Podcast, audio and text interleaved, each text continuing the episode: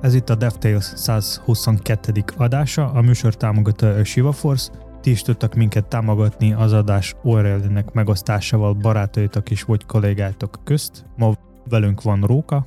Sziasztok! És én Edo vagyok. Sziasztok!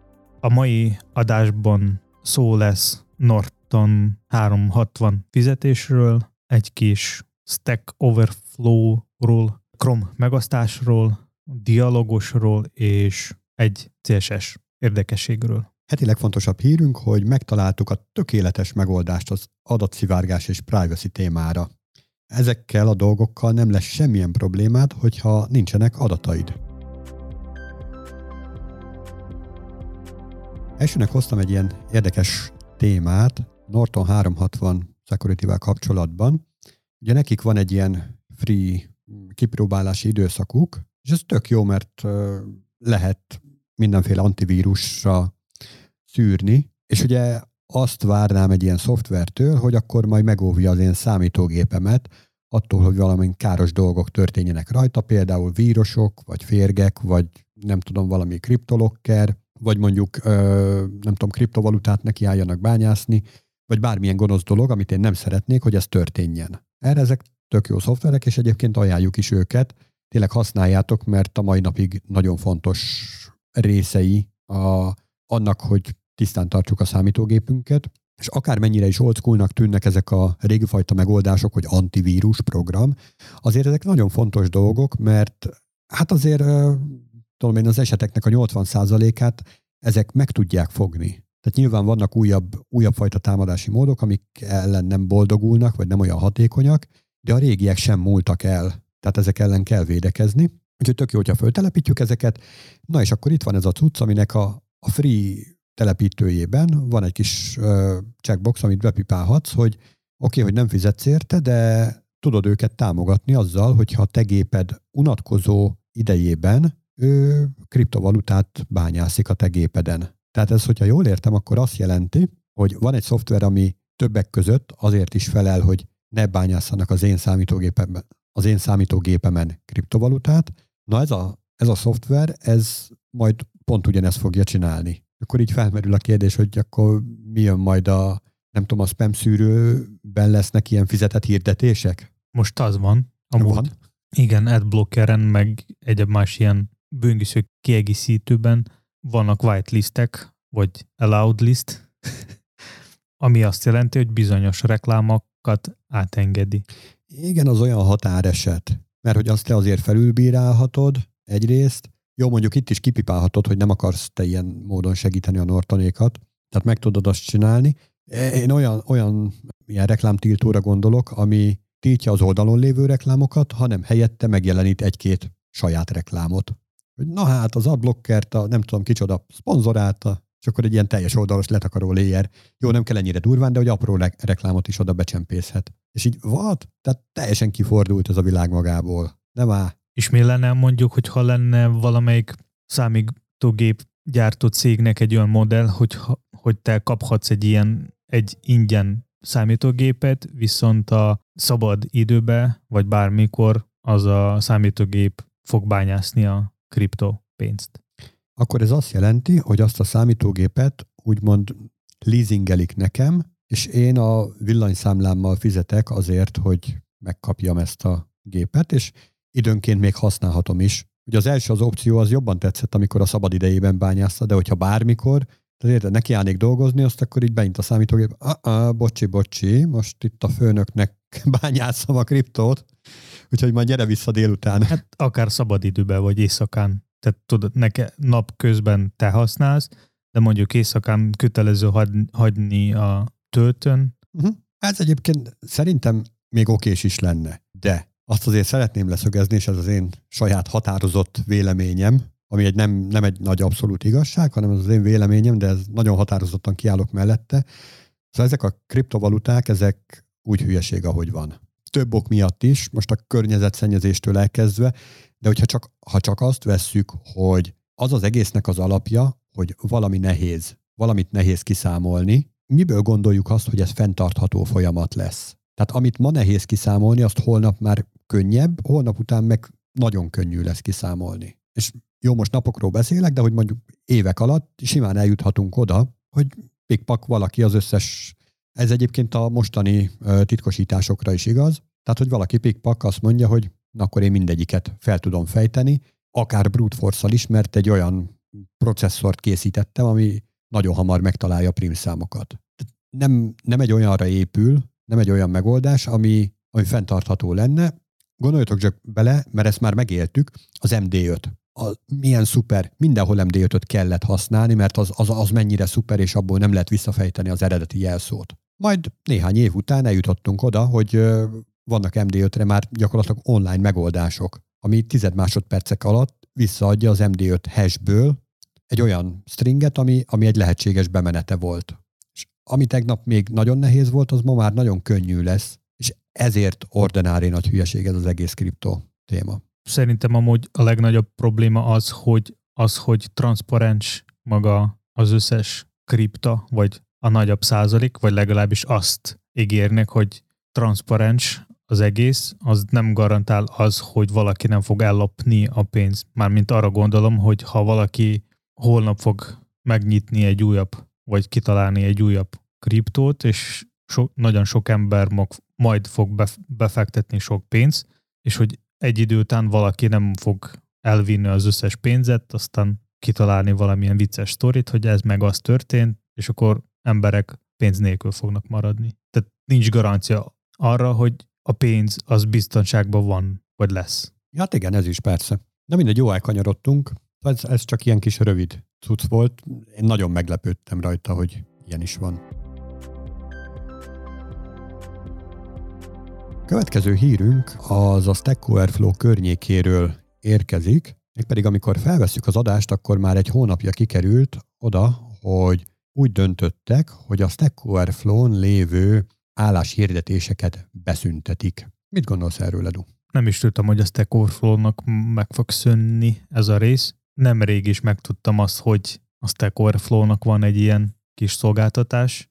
Egyébként ezt szerintem nagyon menőn megcsinálták. Tehát, hogyha belegondolsz, hogy bárhol hirdetések jelennek meg, az mindig ilyen tolakodó, oda nem illő, hivalkodó, tök gáz az egész, és ehhez képest a Stack Overflow-ra most ugye a programozós részre gondolok, olyanok mennek föl, akik problémákat oldanak meg, és ott tökre beleillik. Sem dizájnban nem volt ilyen nagyon hivalkodó, meg a témához kapcsolódó hirdetés volt, tehát ilyen szempontból nagyon harmonikus részét képezte ez a dolog. És nem utolsó sorban egyébként ugye publikus juttatásokkal reklámoztak. Szerintem ez egy tök jó cucc volt. Szerintem is az tök jó volt benne, hogy pont egy olyan platformon meg, megjelent egy ilyen szolgáltatás, ami kizárólag csak a fejlesztőket érint, és benne nagyon ritka, sőt nincs is valami tök más szakma, hanem inkább azok, ami, ami érinti az IT világot. Mert ehhez képest vannak más szolgáltatások, ahol nagyon sok más is van, és ami kicsit így nehezíti a munkakeresést. Hát egyébként ezt most itt a lezárásnál bele is írták, hogy valójában a fejlesztőknek ez nem lesz probléma. Na és hogy ha már ott járunk, hogy, hogy miért csukják be ezt az egész boltot, hogyha jól értettem az indoklásukat, akkor nagyjából az van mögötte, hogy ők ugye arra építették az egész szolgáltatást korábban is, hogy könnyű legyen a problémákat megoldani, meg fejlesztői közösségek tudjanak létrejönni, és igazából nem igazolta semmi azt, hogy, hogy ezek az álláshirdetések, ezek tényleg ebbe az irányba mutatnak-e. Ilyen szempontból viszonylag érthető, hogy ők szeretnének arra koncentrálni, ami az eredeti célja volt a Stack Overflow-nak. Úgyhogy ja, meg amúgy se tudunk más tenni, tehát eldöntötték már, hogy ezt ugye most ö, kezdték el kivezetni, ennek lesznek lépései, tehát januárban ugye már nem lehetett feladni újabb hirdetést, és akkor februárban majd ö, csak bannerek fognak helyette megjelenni, és akkor a tavasz folyamán pedig teljesen el fog tűnni ez az egész rész. Ugye ami kicsit lazán ide kapcsolódik, hogy tavaly valamikor évközepén, tehát talán nyáron volt egy tulajdonosváltás a Stack Overflow-nál. És hát azért gyanúsan közel van ez a két esemény egymáshoz, hogy nem-e ez indikálta. Szeretjük a konteókat, úgyhogy valószínűleg de. Az az érdekes, hogy ennek az új tulajdonosnak eléggé sok ilyen oktatási platform van, mint például Udemy, Codecademy, meg egyéb más, meg Stack Overflow is ezek szerint ide Tökre illik. Tökre illik, mert tudást osztanak meg, közösséget építenek, tehát tökre ebbe a portfólióba illik. Meg találtam benne még a listában még egy ismerős céget, EMAG. Azt a mindenit. Na, az viszont azért rendesen kilóg így a sorból. Hát igen, nekik igazából eléggé nagy portfólió, amiben ők vagy befektetnek pénzt, vagy, vagy, vagy ők a tulajdonosok. Nagyon, se, nagyon sok fejlesztő várja azt az időt, amikor a böngészőkben egyre kevesebb, vagy egyáltalán nem lesznek problémás komponensek, mint például modál, vagy date picker, a select, vagy multi-select. Color picker, checkbox, Check, checkbox már nem annyira problémás szerintem. és rádiógomb, már e- ezeket is lehet már kezelni? Szerintem igen. Miért nem? Eddig nem lehetett? Fogod, eltünteted, és akkor helyette megmutatsz valami képet. Ez szerintem gáz. Tehát ez a, lehet kezelni kerülőúton. Tehát mindig, mindenki a kerülőúton megy. Igen, viszont ezekkel az elemekkel nincs olyan sok probléma, mint például a date pickerrel vagy modállal. Mert hogy nem olyan bonyolult. Tehát fogod, kidobod az egészet, és helyette mutatsz egy darab képet. Egy datepickert egy képből nem tudsz megoldani. Vagy hát meg lehet, csak na, az, az egy kicsit másabb. Igen.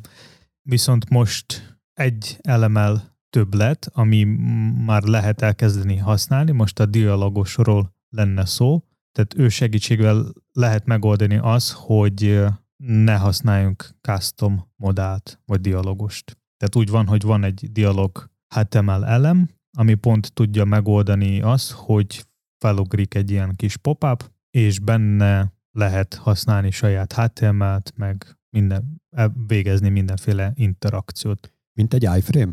Úgy kell elképzelni? Vagy ez az egyik kérdésem, tehát hogy egy teljesen önálló sandboxban működik-e, a másik pedig az, hogy mennyire szabható testre a megjelenése. Mert igazából itt szoktak elvérezni, hogy kitalálnak hozzá valamilyen nagyon jó, idézőjelben nagyon jó dizájnt, ami egyébként másik szempontból tök jó akadálymentes, viszont megjelenésében biztos, hogy nem fog illeszkedni semmilyen arculathoz. Az, hogy úgy működik, mint egy iframe, vagy sem, erre sajnos nem tudok válaszolni, mert így nem volt lehetőség ilyen módon kipróbálni a dialogost, viszont a UI szempontból majdnem minden lehetne rajta módosítani, tehát lehet akár a háttér szí- színet, tehát igazából maga a dialogos ő adja egy ilyen maga a modál, meg az overlay, tehát így ilyen fehér doboz, meg maga a overlay, és ezt a fehér dobozt lehet testre szabni, tehát majdnem bármit lehet rajta átalakítani,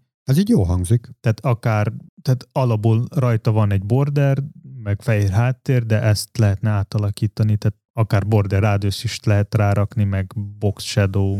A belseje viszont az rendes HTML, ami oda beraksz, az ott lesz. Tehát akár saját gombok, ami nyilván lehet dizájnolni, és, és itt igazából csak a fantázia kérdés, ami le, hogy mi lesz benne. És nyilván van hozzá JavaScript-es API, a meg segítségével lehet nyitogatni, zárni a modát, ami MDN szerint elég egyszerűnek néz ki. És ami legfontosabb kérdés az, hogy milyen böngészők támogatják, és az az érdekes, hogy a Chrome az még a 37. verziótól már támogatja a dialog elementet HTML-ben, aztán a, a Safari ő csak a technical preview-ba támogatja a dialogos, tehát ez azt jelenti, hogy majd a következő valamelyik verzióban ott lesz támogatás a dialogosnak. A Firefox meg Explorer ezek a böngészők, amik egyáltalán nem támogatják a dialógost.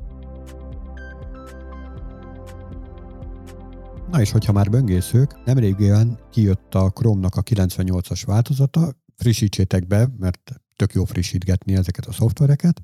Ugye azon felül, hogy ö, új feature is kaphatunk vele, általában biztonsági hibákat is javítanak, úgyhogy ezért is ajánlott, és megjelent benne egy érdekes funkció, ami ilyen nagyon kettős érzést keltett bennem, ez pedig az URL-nek a megosztása. Eddig is volt lehetőség arra, hogy például QR kódot készítsünk az URL-ből, amit aztán le tudunk fényképezni a telefonunkkal, és akkor nem kell úgy hosszú-hosszú URL-eket begépelni. Viszont most egy ilyen megosztás funkcióval gyakorlatilag ott ugyanazon a helyen, tehát az URL-nek a végén, jobb oldalán, ott, ahol el tudjuk tenni könyvjelzőbe, azon a részen, ott egy kis papírrepülő mutatja, és ha lenyitjátok, akkor meg lehet osztani a linket, amit éppen aktuálisan néztek, Facebookon, Twitteren, Redditen, LinkedInen, Pinteresten, és ennyi. Nekem csak egy más, kicsit másikon. Milyen? Olyan, mint a Apple termékeken szokott lenni megosztásikon.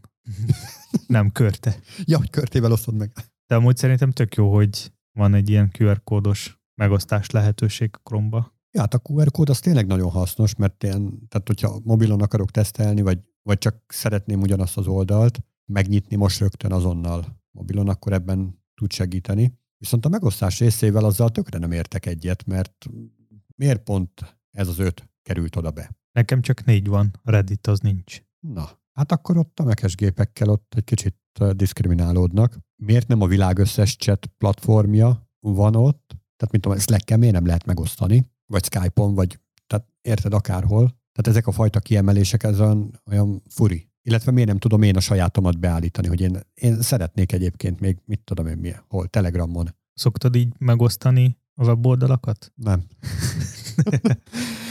Meg hát ez ne, nekem meglepő volt, mert most, amikor befrissítettem a Chrome-omat, akkor rögtön föl is dobta, föl, földobott egy olyan oldalt, amilyen belső krómos, hogy what's new, ott ajánlgatta ezt a, ezt a funkciót, gyorsan ki is próbáltam, hogy azt az oldalt, ahol a Chrome-nak ez a beépített what's new oldala, azt nem tudtam megosztani. Az vicces. Nekem mondjuk, amit tök jó, hogy van benne QR kódos része, mondjuk akkor lehet hasznos, amikor egy olyan eszközen, egy olyan eszközre akarsz megosztani, amelyik mondjuk nincs benne valamilyen ekoszisztémába. Nekem például, mivel én használom a Mac-et, meg a iPhone-t, meg iPad-et, akkor ott nagyon könnyű megosztani, mert hogyha megnyitom bármilyen weboldal, akkor nekem ott lent a dokba, ahol van alkalmazási ikonok, megjelenik egy böngüszös ikon, és ha én arra ráklikkelek, akkor ő megnyitja az aktív oldal az én eszközömből. Hát meg vannak erre pluginek, ugye tényleg, ahogy mondod, ak- akkor tud jó lenni, hogy ez ilyen nagyon elszigetelt dolog, tehát nem vagy ugyanazzal az accounttal belépve két külön eszközön, hanem különböző accounttal vagy belépve, és akkor tudsz így. Hogyha különböző, akkor meg az Apple ekoszisztémán van olyan lehetőség, hogy AirDrop keresztül uh-huh. lehet megosztani, ez egy ilyen Bluetooth-os tudsz. Hát akkor is össze kell párosítanod vele, nem? Nem kell, nem kell. Tehát elég lesz lenni egy hálózaton. Tehát mm, egy wifi. Akkor legalább annyi. Na, ez viszont semmi ilyesmit nem feltételez, tehát le kell fényképezni. Csak annyi, hogy látótávolságban kell lenni. Rossz esetben mindig lehet e-mailbe küldeni. E, igen. Mondjuk itt tényleg e-mail megosztás az nincsen, de mondjuk copy link, tehát ilyen vágólapra rámásolom, olyan pedig van. Úgyhogy ja, tehát tök jó maga a funkció, tök jó az elgondolás. Mondom, nekem ilyen, ilyen kettős érzésem van vele, mert tényleg nagyon tetszik a dolog, mert amúgy nem használom, nem használnám. Tehát én ebben a hagyományos Ctrl-C, Ctrl-V-ben jobban hiszek, mert azt még meg is tudom nézni előtte, hogy tényleg mi fog történni. Ja, nekem is benne van a rutinba ez, hogy vagy Ctrl, vagy Command C vagy akár airdropon megosztani. Ez csak azért van, mert hogy öregek vagyunk, tehát ez, ez újdonságokat nem tudjuk befogadni, tehát ezt én tökre értem, viszont az a rész az, az kifejezetten nem tetszik, hogy és akkor ho, hol a többi? Miért nem tudok Skype-on küldeni, vagy tehát bárhol. De ettől függetlenül tök jó kis ilyen helyi menü kezdett kialakulni itt az URL végén. Nem tudom, hogy hova akarják kifuttatni ezt a témát. Mi mindent lehet még egy URL-lel csinálni. Mondjuk ide lehetne beépül, beépülni úgy, hogy az URL-ben lévő paraméterek biztonságossá tétele. Tehát, hogyha ott az URL-ben van mondjuk egy e-mail cím, akkor azt így kikukázza belőle, vagy mondjuk egy session ID, akkor azt is, és hogy akkor úgy osszam meg ezt a weboldalt, hogy, hogy már nincsen benne a session ID, mert akkor az én useremmel lépne be bárki, akinek megosztottam. Tehát ez, ez például egy ilyen lehetséges fejlesztési irány lehet benne. És ez honnan fog tudni, hogy, hogy milyen információt az érzékeny? Mivel mindenféle query paramétereket meg lehet adni. Persze, hát erre azt tudnám mondani, hogy MVP, ez a más valaki problémája. Oldják meg. Mondjuk Safari-ban van egy olyan lehetőség, a Safari-ban alapból az van, hogy ott nem írja ki az összes a teljes URL-t, hanem csak a domain nevét, meg domain zónát. Oké, okay, de amikor lemásolod, akkor benne lesz? Akkor igen. Na, és én e- ezt tartom egy kicsit így rizikósnak. Azért egy e-mail címet föl lehet ismerni. Nyilván, hogyha Base 64 el van kódolva, akkor most kicsomagolja, vagy ne csomagolja. Hogyha máshogy van elkódolva, akkor most mi legyen vele. Tehát értem én, hogy ne, nem lehet mindent, de azért tök jó lenne, hogyha szólna érte, hogy ha-ho, ha-ho, itt van benne egy olyan dolog, ami e-mail címnek néz ki, tényleg akarod?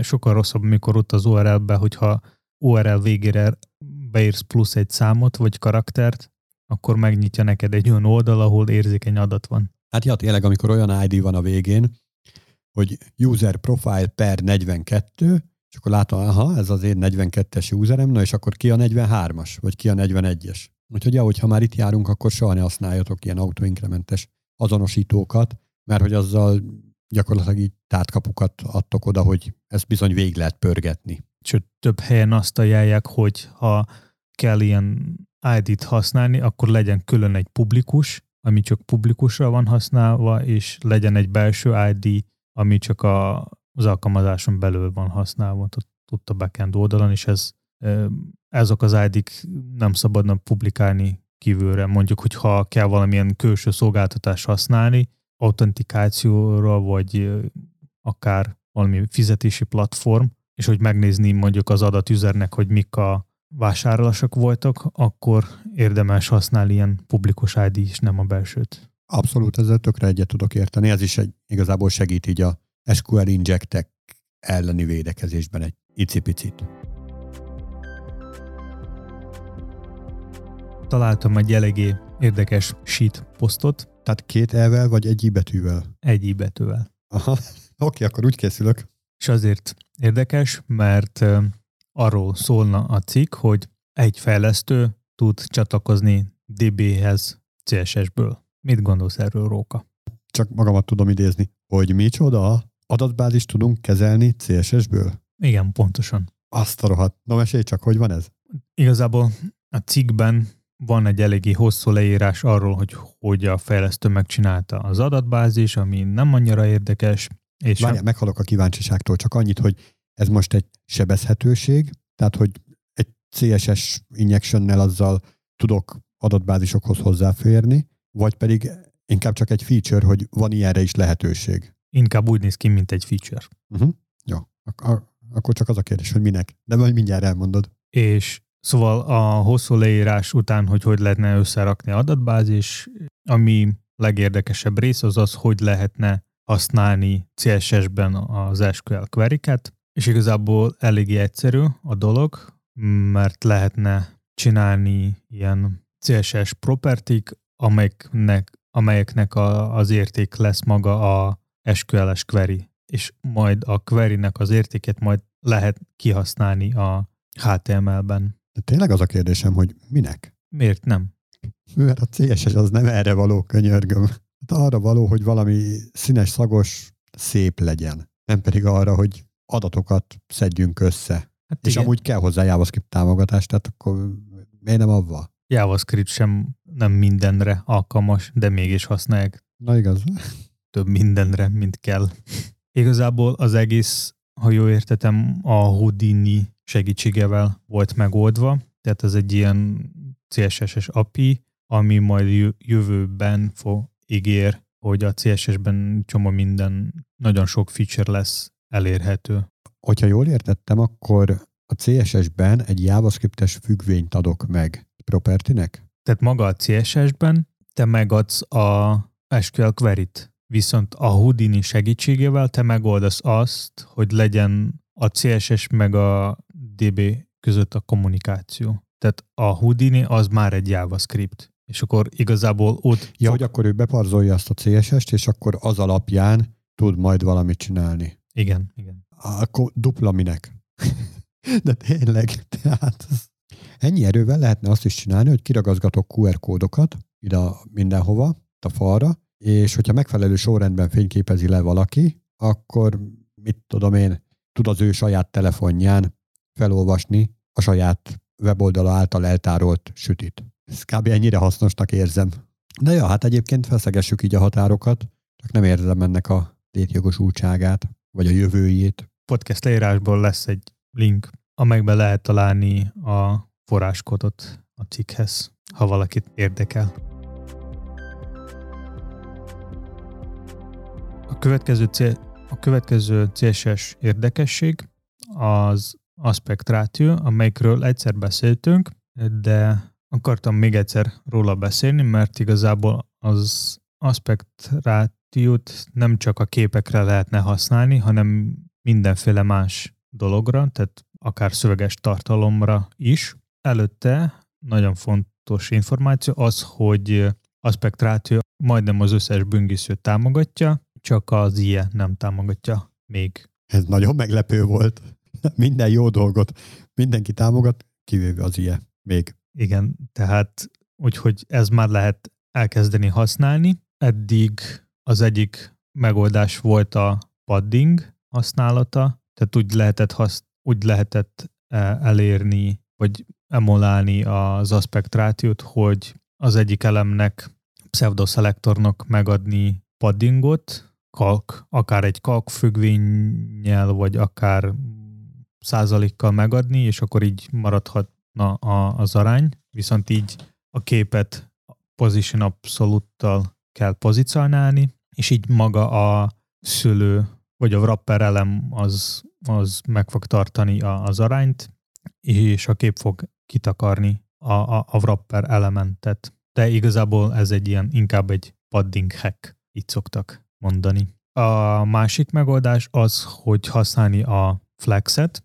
és object fitet, viszont ezzel az a probléma, hogy így mindig kell megadni a magasságot, és a magasság az mindig fix lesz, így a tartalom nem, nem lehet dinamikus. És, és mondjuk a mobil nézetben vagy tableten kell fölölírni a magasságot, hogy legyen kisebb vagy nagyobb méretű, attól függ. És viszont ez az aspect ratio, az pont mi ezeket a problémákat tud megoldani, tehát van egy ilyen aspect ratio CSS szabály, amelyikben lehet néhány módon megadni a, az értékét, vagy akár egy, egy szám, vagy akár egy matematikai kifejezést lehet megold, megadni. Tehát például 3 per 2, vagy 1.5.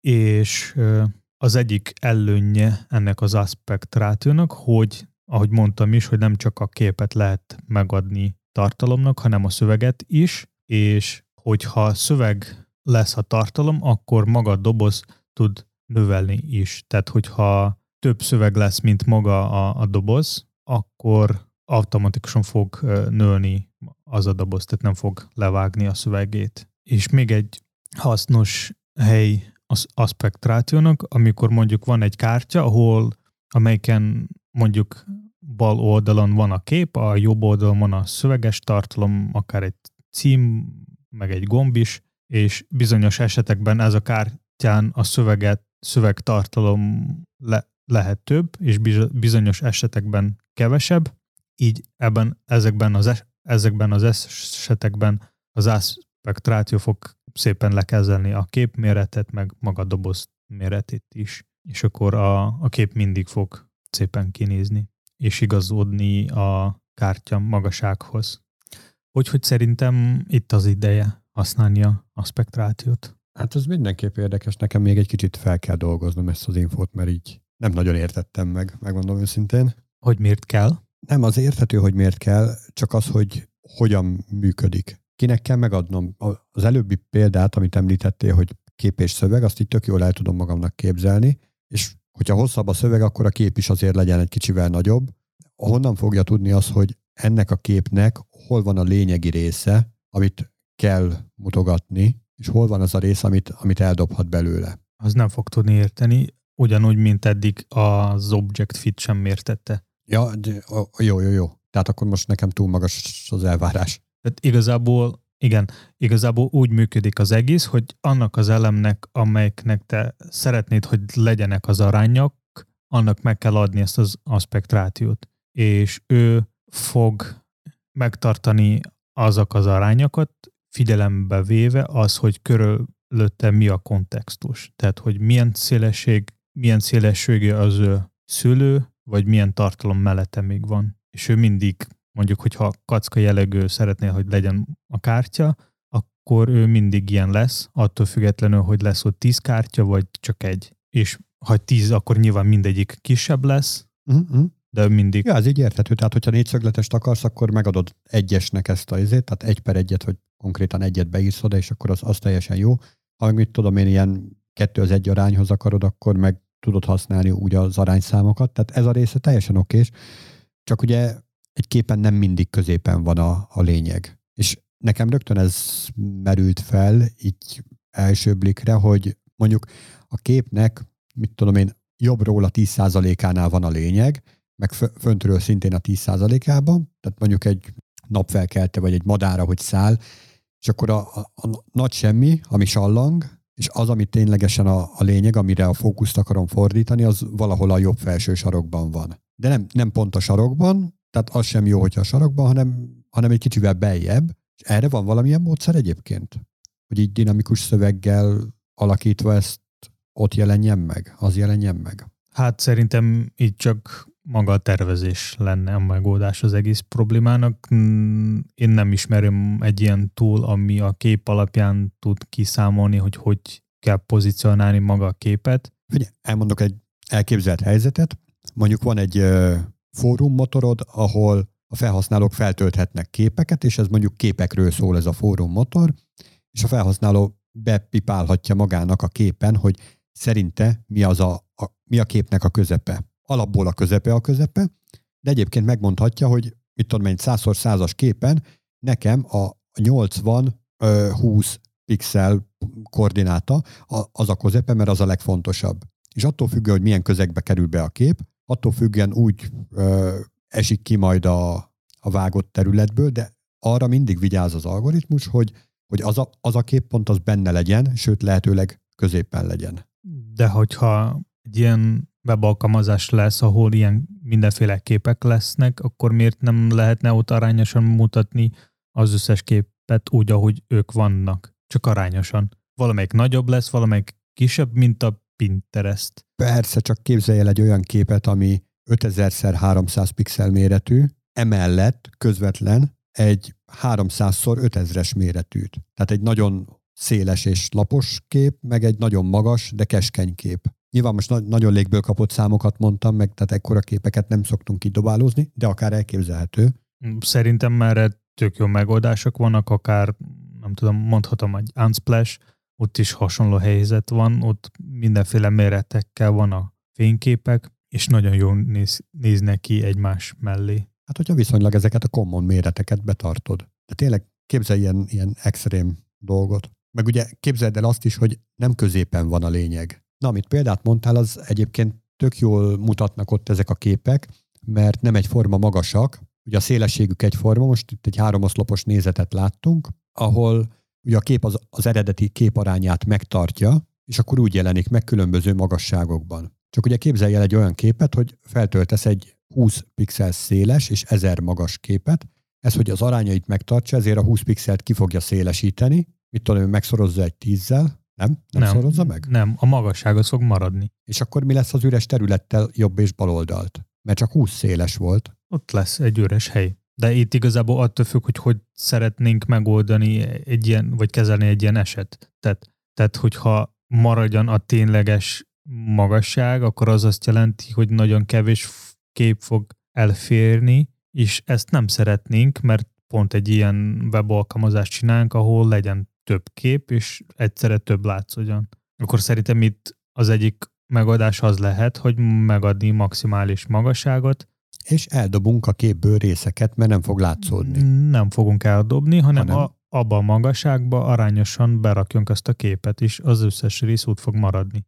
Na, de akkor viszont, hogyha egy ilyen nagyon torz képet csinálsz, hogy mondjuk 100 széles és 10.000 magas, mivel nem lehet 10.000 magas, csak 500 magas lehet, ezért az azt jelenti, hogy 20-szor ö- jobban összemegy a jobb és bal oldala, tehát 5 pixel széles lesz. Remélem, hogy jól számoltam és gyakorlatilag egy ilyen vékony csíkot fogsz ott látni. Látszik teljesen arányosan, csak több gáz. És erre mondom én, hogy erre lenne egy olyan megoldás, hogy bökszezon a képen egy pontot, hogy azt mondod, hogy ez a fontos, és ahhoz képest, meg a lehetőségekhez képest, hogy mekkora területre kell, hogy beférjen, oda megmutatni. De úgy megmutatni, hogy ki lehessen választani mondjuk egy CSS szabályjal, adott esetben, hogy, hogy melyik az a képpont, ami fontos számodra. És itt, itt már azért tökre úgy érzem, hogy ezt JavaScript nélkül azért nem lehet megoldani. Pedig tök jó lenne, hogyha ilyeneken dolgoznának a, a CSS-es emberek, nem pedig adott bázis hozzáféréseken. Szerintem hasznosabb lenne. Mondjuk itt igazából most szerintem nagyon jó példa lehet, hogy ilyen panorama kép, Na igen, például. Mert így nagyon nehéz elképzelni, hogy milyen kép az lehet, amelyik ilyen, mag, ilyen magas, de nem annyira széles. Hát a De- panorámakép az pont jó, csak fordított irányú. Tehát nagyon széles és kevésbé De- magas. Bármilyenféle panorama képet lehet csinálni. Ja, Nem, nem csak horizontális, Jó, jó. amúgy. Igaz, igaz, igaz. De amúgy igen, tehát a CSS-el meg lehetne oldani azt, hogyha mondjuk backendről jönne az az információ, hogy melyik irányok lesz, legyen a kép. A CSS, tehát hogy mondjuk lenne egy klassz a képnál, akkor meg lehet oldani, hogy tehát a CSS-en meg lehet oldani kilenc pozíciót a képnek. Na igen, tehát hogy a, a csücsköket, az oldalakat, meg a közepét. Igen. De én direkt egy olyan példát hoztam, amikor nem ezek a, a, a lényegi pontok, hanem azt mondod, hogy van egy panorámaképed, és valahol, mit tudom, az egy harmadánál ott van egy érdekes épület, egy vár, egy kastély.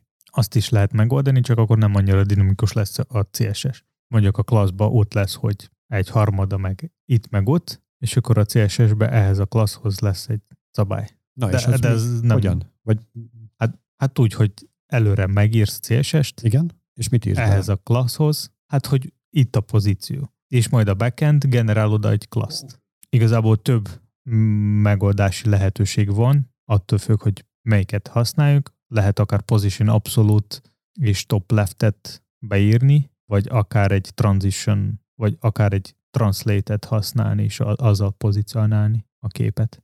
A position abszolúttal azzal tisztában kell lenned a, a képnek a dimenzióival, tehát a pontos méretével, hogy azt jól eltaláld. Igen. Hát itt igazából ezek a megoldások, amit most mondtam, ez jó előre kell Aha. átgondolni, leírni CSS-ben, de ez fix lesz, ez nem lesz dinamikus. Uh-huh, uh-huh. Amit, am, amiről te mondasz, az tényleg inkább JavaScript Mhm. segítségével meg kell oldani, vagy érdemesebb. Jó, ez csak egy ilyen elképzelt szitu volt, akkor még nem tart itt a tudomány.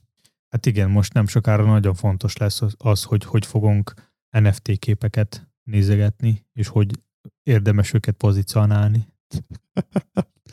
Mivel ennyi sok pénzért kell, hogy Szép legyen. Igen. jó legyen.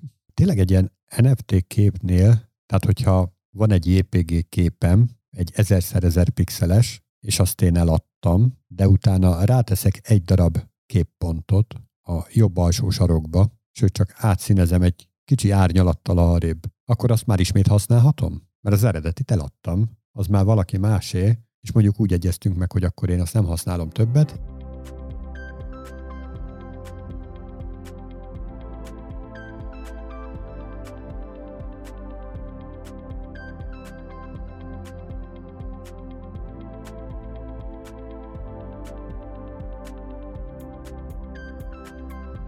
fér bele a mai adásba. Ha esetleg van valami kérdés, vagy ötlet, vagy visszajelzés, akkor írjátok nekünk, vagy kövessetek minket Facebookon, Slacken, Youtube-on, Twitteren, Spotify-on, Apple Podcasten, Google Podcast-en, Castboxon, RSS-ben. vagy az utcán, és küldjétek el az adáshoz tartozó direkt URL-t a Chrome új csodájával, amivel meg lehet osztani URL-eket. És legyen benne referer paraméter. Igen, mindenképpen, hogy kik vagytok, osszátok meg velünk. Sziasztok! Sziasztok!